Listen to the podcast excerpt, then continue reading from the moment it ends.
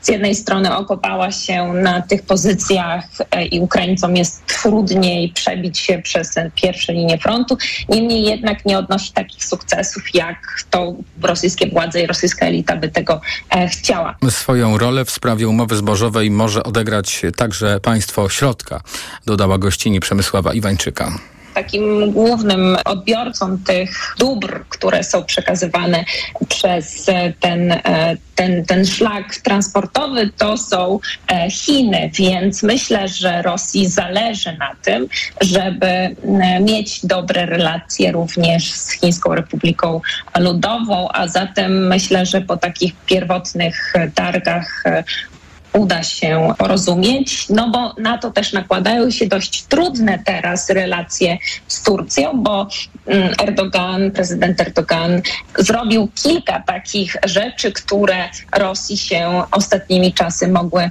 nie podobać. Usłyszeliśmy w audycji popołudnie Radia Tok FM, a w całej sprawie głos zabrał także sekretarz generalny y, Organizacji Narodów Zjednoczonych Antonio Guterres, który kwestionuje główne powody, które podaje Rosja jako uzasadnienie dla wycofania się z porozumienia. To znaczy chodzi o ten argument, że e, Rosja powinna być podłączona do systemu SWIFT, tak aby e, również swobodnie eksportować zboże. Otóż Antonio Guterres powołał się na wypowiedzi rosyjskich oficjeli, e, że w wyniku specjalnego porozumienia, właśnie tego eksportowego, poziom eksportu tych produktów z Rosji niemal całkowicie powrócił do tego sprzed inwazji. A do tego tematu jeszcze wrócimy w podsumowaniu dnia w rozmowie z profesor Dorotą Niedziółką, kierowniczką Katedry Geografii Ekonomicznej Szkoły Głównej Handlowej w Warszawie. TOK 360. Pełne skutki wycofania się Moskwy z umowy zbożowej z Kijowem możemy odczuć dopiero we wrześniu, kiedy problem napływu ziarna do Polski może wrócić i to ze zdwojoną siłą, uważają politycy opozycji i eksperci rynku rolnego. Co się teraz stanie e, i co ta sytuacja oznacza dla polskich rolników? O tym już teraz reporter FM Tomasz Węskę. Wycofanie się Moskwy z porozumienia oznacza, że Kijów będzie miał utrudniony eksport zboża, dokładnie tak jak na początku zeszłego roku, tuż po rosyjskiej agresji na terytorium Ukrainy. Wartość tego porozumienia trudno przecenić, bo według tureckich szacunków no, udało się dzięki niemu wywieźć z Ukrainy grubo ponad 30 milionów ton ziarna. I teraz pojawia się problem, bo po pierwsze porozumienie jest już przez Moskwę uważane za nieważne, po drugie Ukraina, która jest w trakcie żniw, zostaje ze swoim zbożem znowu sama, po trzecie najprostsza droga w świat dla tego ziarna znów wiedzie przez Polskę i Rumunię. I po czwarte wreszcie w połowie września wygaśnie unijny zakaz importu czterech produktów rolnych z Ukrainy, który mniej lub bardziej skutecznie chroni polski rynek i rynki kilku innych krajów przyfrontowych przed ostateczną destabilizacją. I jak wyjaśnia były wicepremier, a dziś szef Izby Handlowo-Przemysłowej Polska-Azja Janusz Piechociński, to będzie moment, kiedy rzeczywistość powie politykom sprawdzam. W ciągu tego roku nie udało się, a to już 500 dni minęło od wybuchu wybuchu wojny nie udało się zbudować bardzo skutecznych korytarzy przez Rumunię czy przez Polskę. Tutaj Rumunia mm, zapowiada duże inwestycje w, na Dunaju i w portach, żeby wykorzystać Dunaj do zwiększenia tych inwestycji. Mamy bardzo ważną decyzję europejską do 15 września o tym zakazie sprzedaży zbóż do krajów Europy Środkowo-Wschodniej. Po 15 widać wyraźnie, że poza bełkotem polityków, e, a w Polsce już nadmiar mamy tego bełkotu w związku z toczącą się nieustannie na bardzo absurdalnych poziomach emocji dyskusją, nie będzie szansy na to, że e, ten termin, w mojej ocenie, że ten termin zostanie wydłużony i bardzo ważne jest też to, jakie zbiory będą w Europie. Według producenta kukurydzy Tadeusza Szymańczaka, który stracił na nieograniczonym imporcie z Ukrainy, polskie władze powinny blokować przywóz produktów z tego kraju do Polski, wykorzystując fakt, że nie spełniają one norm, które muszą spełniać rolnicy w Unii. Produkty te wszystkie, które wpływają na rynek i obszar Unii Europejskiej, nie spełniają standardów, dlatego że są produkowane na środkach ochrony roślin, które u nas zostały wycofane podkreślam, które u nas zostały wycofane, a tam nadal można je stosować. Zdaniem lidera agrounii Michała Kołodziejczaka w sprawie ukraińskiego zboża zawiodła zarówno Unia Europejska, której wytyka podziały i brak stanowczości, jak i polski rząd, który nie przygotował kraju na sytuację kryzysową. To będzie dla nas totalna klapa i, i, i blamasz też polskiego rządu i dramat dla producentów żywności, bo to będzie... Tylko polski rząd chyba tutaj niewiele może, prawda? To już jest jakby się rozgrywa poza nami trochę. Yy nie do końca rozgrywa się poza nami, bo widzieliśmy jak europosłowie PiSu głosowali przy temacie cła na zboże z Ukrainy. Więc tutaj nie zastosowali wszystkich środków, które mogłyby działać. I jeżeli Władimir Putin widzi, że Unia Europejska stanęła, e, stanęła w ten sposób, a polski rząd nic nie zrobił, żeby cło było przywrócone, to dzisiaj może szantażować. Bo tak naprawdę to nie szantażuje e, Ukraińców, tylko szantażuje Unię Europejską, że, że im wrzuci tutaj e, to.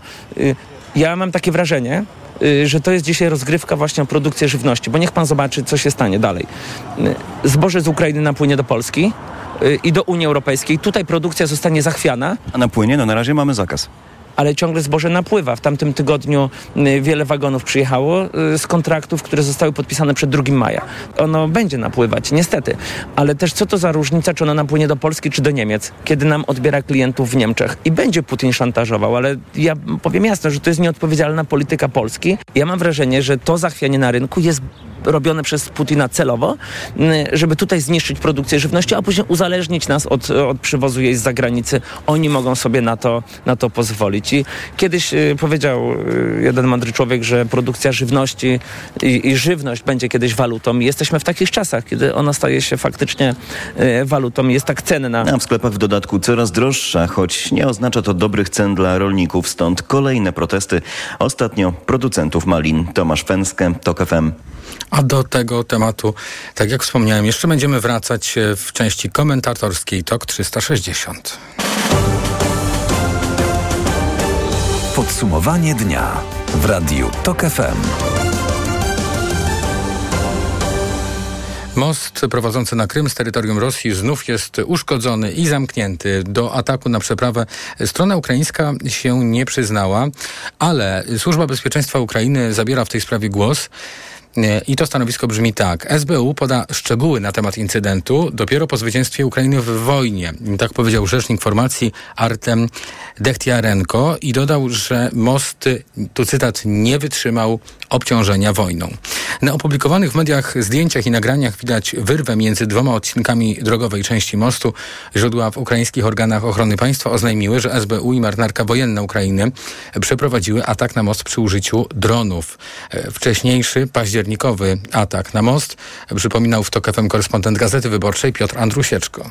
Wcześniej mieliśmy wybuch y, samochodu ciężarowego 8 y, października, który też znacząco uszkodził tę y, część drogową, tę część samochodową mostu. No i teraz i dzisiaj drugi atak, a tym razem przy pomocy dronów morskich, dronów wodnych My wiemy, że takie drony e, Ukraina posiada, to znaczy dlatego, że no, nawet wczoraj miał miejsce podobny atak przy wykorzystaniu też tego typu dronów na bazę floty czarnomorskiej w Sewastopolu. I tych ataków z wykorzystaniem właśnie dronów morskich jest, było w ostatnich miesiącach od jesieni ubiegłego roku więcej. I do tego trwa zresztą oficjalna zbiórka pieniędzy właśnie na tak zwaną armię czy flotę dronów morskich, no, ukraińskich dronów morskiej, więc rzeczywiście mm, tego typu mm, broń Ukraina posiada. Usłyszeliśmy dzisiaj w TOK FM most będący jedynym połączeniem okupowanego przez Rosjan Krymu z terytorium Rosji powstał po zagrabieniu Półwyspu w roku 2014. Od początku inwazji rosyjskiej na Ukrainę w lutym 2022 roku przeprawa wykorzystywana jest przez Kreml do transportu żołnierzy i sprzętu wojskowego. W Brukseli rozpoczął się szczyt Unii Europejskiej i wspólnoty państw Ameryki Łacińskiej i Karaibów. Celem e, unijnych przedstawicieli jest nakłonienie partnerów e, z oceanu do potępienia rosyjskiej agresji na Ukrainę, no ale drugą e, stroną interesują bardziej relacje handlowe ze wspólnotą. Unia relacje z tym regionem właściwie sama zaniedbała. Teraz te relacje stają się dla wspólnoty właściwie nawet języczkiem uwagi, komentowała w TOK FM dr Anna Skrzypek z Fundacji Europejskich Studiów Progresywnych w Brukseli. Po pierwsze, oczywiście jest to związane z priorytetami hiszpańskiej prezydencji w Unii Europejskiej. Po drugie, w bardziej szerokim kontekście, jest to związane z nowym otwarciem Unii Europejskiej, która w zmieniającym się kontekście geopolitycznym poszukuje nowych partnerów i tym samym przypomina sobie o starych. No i tym samym ten szczyt e, dzisiejszy i jutrzejszy jest taką próbą odnowy rzeczywiście relacji, które, no można powiedzieć, przeleżały trochę, czy odleżały trochę, oczekując na lepsze jutro. I rzeczywiście jest to trzeci szczyt, no ale prawie od dekady przywódcy tych państw się nie spotykali. Były po temu różne powody, również sytuacja polityczna, szczególnie w Ameryce, w krajach Ameryki Łacińskiej. No ale wydaje się, że z jednej strony potrzeba nawiązania i zacieśnienia relacji ze strony Unii Europejskiej, wskaźniki gospodarcze, które tutaj pokazują no, znaczny wzrost inwestycji ze strony Unii Europejskiej, e, jeśli chodzi o region tej Ameryki Łacińskiej i Karaibów. No plus jeszcze zmiana na przykład, jeśli chodzi o odsunięcie od władzy Bolsonaro i um, objęcie prezydentury przez prezydenta Lule. No to są takie czynniki, które właściwie wskazują na to, że można usiąść ponownie, czy należy nawet usiąść ponownie do stołu obrad. Szczyt Unia Europejska, państwa Ameryki Łacińskiej potrwa w Brukseli do jutra, a całą rozmowę na ten temat znajdą Państwo w podcastach na tokafm.pl i w naszej aplikacji mobilnej.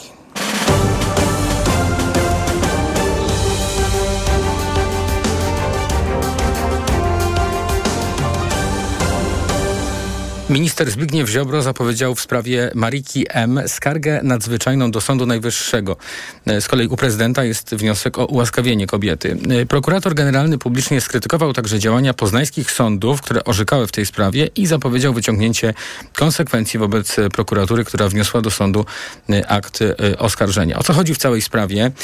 No i jak wygląda spojrzenie na tę całą sprawę Stowarzyszenia Sędziów, które w związku z tym protestują? O tym już w tej chwili chwili reporter TOK FM Maciej Szefer.